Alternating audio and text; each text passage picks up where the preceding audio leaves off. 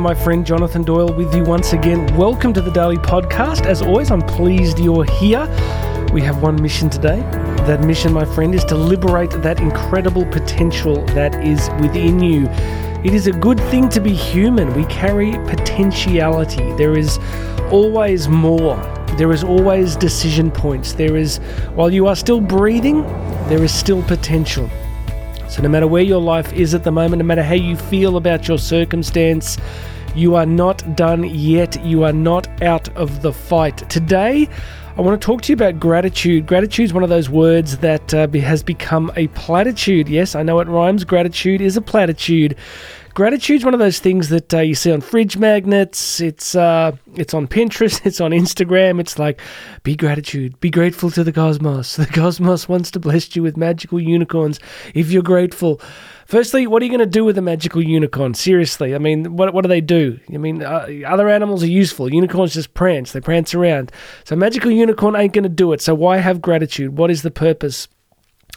First, it is a fundamental disposition, right? When you're grateful, life is colored in a different way. You know, there's so many things that we could simply and easily focus upon that are going to make us feel worse. You know, in many ways, our moods, our physiology, our energy levels, our beliefs about what's possible for us can be powerfully colored by where we are placing our focus. So, of course, if we're placing our focus on everything that's wrong in our life, on everything that's missing, it's a choice, remember, and people don't like to hear this. I don't like to hear this. We want to believe that our problems are genuinely external, that they're caused by something, and if we could just fix that something, everything would be radically different.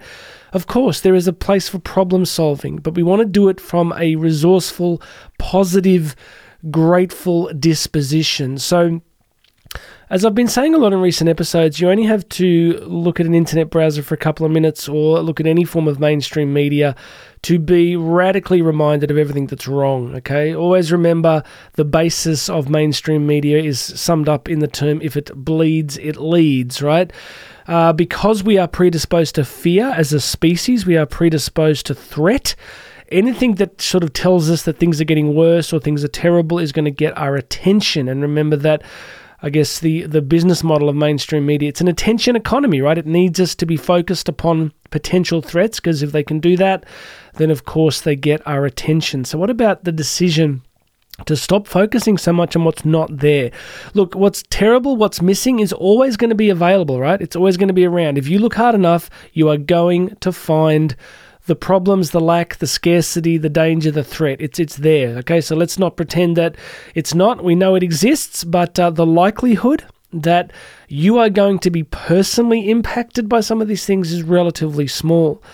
So what we want to do is begin to gradually practice, and it is literally a practice. Practice the disposition of gratitude. It changes our character. It changes our experience of being human.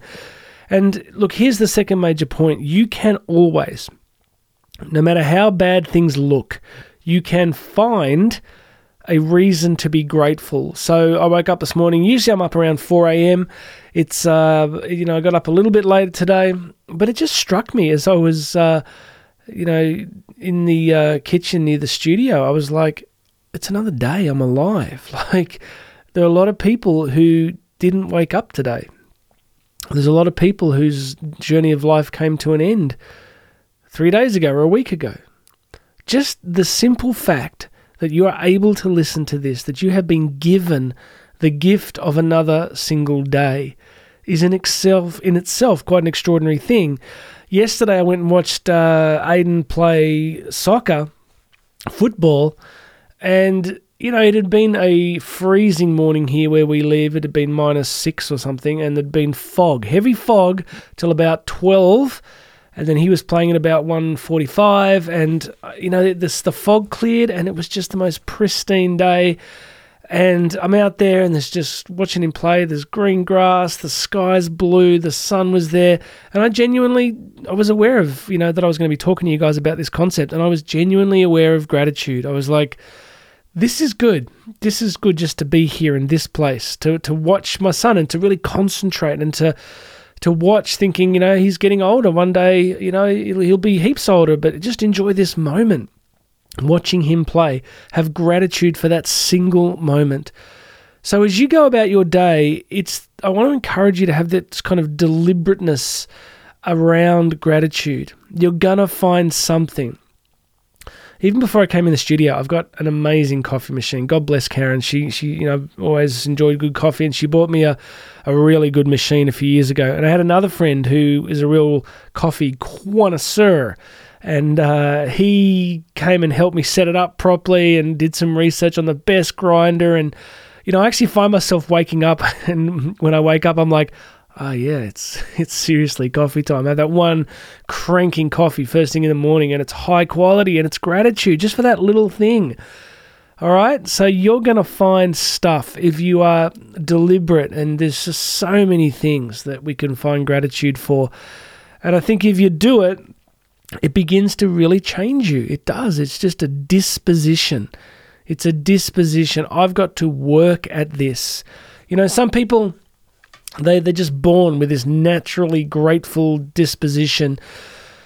And a lot of us have got to work at it. It's one of those things that to become a fully integrated human, to become a useful, and by useful I mean taking the skills and abilities that you have and deploying them for good in the world, becoming an integrated, useful, blessing of a person to the world around you is a decision and a choice, and we've got to work at it, right? So that's my encouragement for you today as we look to liberate all that potential that's inside you. Let's get in the business of gratitude. It's, uh, you know, I've got a bunch of good stuff on today, and uh, Karen and the girls are still away in Queensland, and Aiden and I we're going out this morning. We're going to have breakfast together. We're going to this nice little cafe. It's going to be great. It's got, to, you know, can I tell you something? It comes with goat's cheese. I just didn't even know there was such a thing. But we're going to have breakfast together. And this breakfast, my friend, it has goat's cheese. Seriously, God bless goats. Thank you, goats of the world. Gratitude, right? I'm looking forward to it. It comes with goat's cheese and bacon. I mean, can you name one thing that is not made better by bacon? Seriously, apologies to all my vegan friends. But you get the point, right? There are things, there are this endless plentitude of of things that you can be grateful for. Got to work at it, all right? And I'm not dismissing the complexity and demands of the world, but life is happening. It's always coming at us, right? But we can choose where we place our focus. You can place your focus on scarcity, lack, suffering, and fear, or you can place your focus upon gratitude and the good things that are around you. All right, everybody, please make sure you're subscribed. If you want to uh, book me to speak live, there will be links there you can check out. But for now, that is it from me. My name is Jonathan Doyle. This has been the Daily Podcast, and you and I are going to talk again tomorrow.